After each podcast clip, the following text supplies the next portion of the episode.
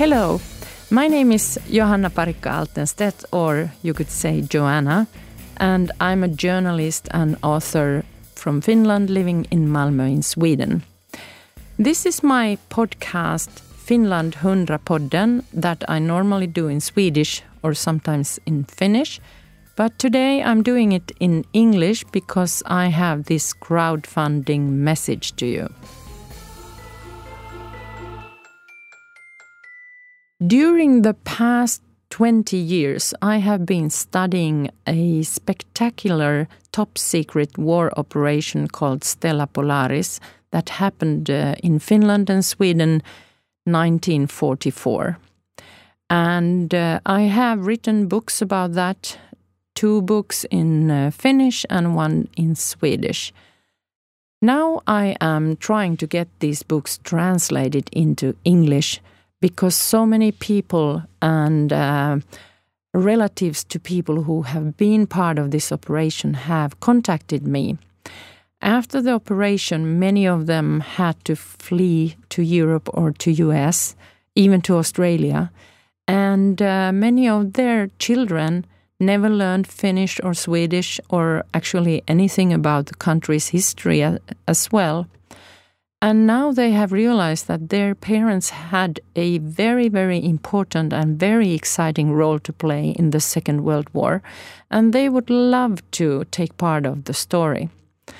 But to translate history books, that is very slow and very, very difficult process because you have to be very careful with all the terms, of course, and the fact checking and since I have also interviewed many people in first person, the tone of voice and all that kind of things have to be right.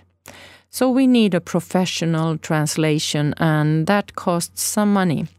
That's why I started my project on Kickstarter.com, and it's called Operation Stella Polaris. It is going on now until end of March. It's going to be really exciting to see if I get any funding for this. I already got a little thank you guys who have been backing this project, but it would be really lovely to reach the target that is around 20,000 US dollars. Let me share you some details about this operation and why it is so exciting. Operation Stella Polaris is a secret but spectacular intelligence operation, and the historical and political value of it to Finland and Sweden and even other countries during the post war is still very much unexplored. And that's why more research is needed in this area, and the translations are so important. My sources have been wives and sisters and daughters, nieces and private letters, archives, and pictures. My history books are very much written by a woman, me, but also I have used women as sources, and it is written uh, so all the ordinary people can read it and are interested in it. It's a very sociological touch I'm having. This is a unique piece of history, and uh, it should be told. Uh, this is about uh, Finland getting out of the Second World War. And the story was that Finland was uh, allied with Germany, fighting Soviet Union under Stalin's uh, rule. And uh, unfortunately, to for us in Finland, Stalin was allied with UK and Winston Churchill and also with France and later on with USA and Roosevelt. So we had kind of a tough situation.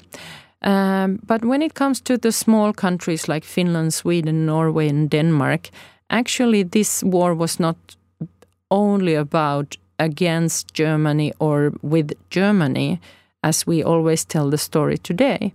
Actually, all these big countries had huge interests in our little countries, in our mines, in our seas, and uh, transport uh, infrastructure, and so on. So the key issue was trying to keep the countries alive and independent, and that's what Finland was doing. From 1943, Finland was having uh, secret negotiations with the Soviet, and they were conducted in Sweden. And also, the uh, Soviet ambassador, Madame Kollontai, and the Swedish industrial family Wallenberg was part of these uh, negotiations. 43, we didn't manage to make the, the peace yet. And then uh, Finland kind of got involved in this big D Day uh, fighting during the summer 44. All the films made about uh, the summer 44 are about um, how West Western troops uh, took over France and pull, pushed back Germany. But actually, the whole operation was about pushing Germany both from east and west. And that means that Soviet was also doing this huge uh, attack during summer 44, all the way from north in Finland down to the Balkans and, and Bulgaria and Romania, those countries. So we got this huge offensive from uh, Soviet in June 1944, and Finland hardly managed to to stay alive. Uh, the Nordic countries' biggest fighting ever was conducted uh, summer 44 in Finland. In, for example, in one uh, one um, place, Tali Ihantala, only during the one day there was like 11,000 men dead. Um, so anyway, the Finnish politicians and the military leadership decided to get off from the war without Germany. So that meant that they tried to negotiate a interim peace with the Soviet Russia, and uh, that was also conducted through Sweden and with the Swedes in those negotiations. Uh, in the end, Stalin accepted. He trusted Mannerheim and Mannerheim's word, and he put a huge price tag for this peace that was like crazy much Finland should pay for, for Soviet to get off the war. But Finland accepted.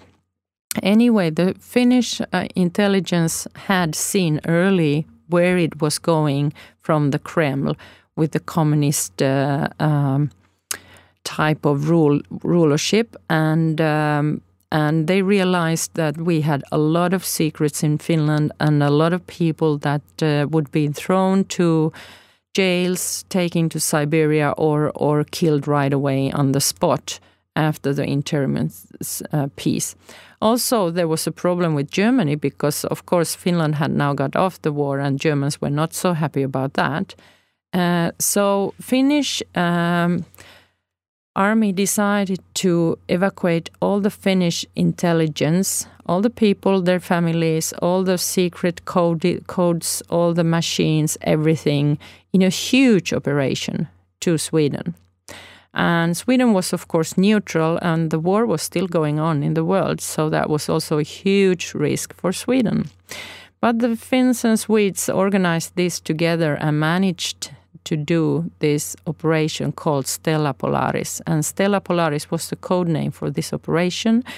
Uh, people got um, papers where uh, the word Stella Polaris had been written, and that the papers were cut in two pieces. And when they were coming to the their target place uh, in Sweden, someone would wait there and have the other part of this paper sheet, and they would check that uh, it fit uh, and was the right cut. So that's where the name came from. Stella Polaris is uh, Latin and means the Nordic star. Some of these people who came to Sweden stayed in Sweden forever and became part of the Swedish uh, intelligence uh, uh, among FRA, that is the NSA of Sweden. Uh, some of them went over to Germany, and some of them went to France and worked with the French intelligence there. The President Charles de Gaulle took care of them. And some of them went to UK to Bletchley Park, and some of them went to USA, and um, quite many started working for CIA also. All these stories uh, are there uh, in the families, but it was never written into the books. Uh, so, as I mentioned, I managed to find women who have been part of this as wives, daughters, also working in this pro project. And uh, when uh, they started to tell about what really happened, I realized that this is a huge story that should be told. And it also gives much more color to the history of Finland and Sweden during the Second World War. So that was the story, quite a story, right? So if you want to share this crowdfunding project to your networks, please use the link from kickstarter.com and the project is called Operation Stella Polaris. You will find it there and I will also put the link here to this podcast page. And if you want to listen to these podcasts in English, please contact me. My name is Johanna Parikka Altenstedt, and this production was made by Ice Cream Consulting at the Umami studio in Malmö, in Sweden. I'm producing these podcast programs every Sunday. Bye.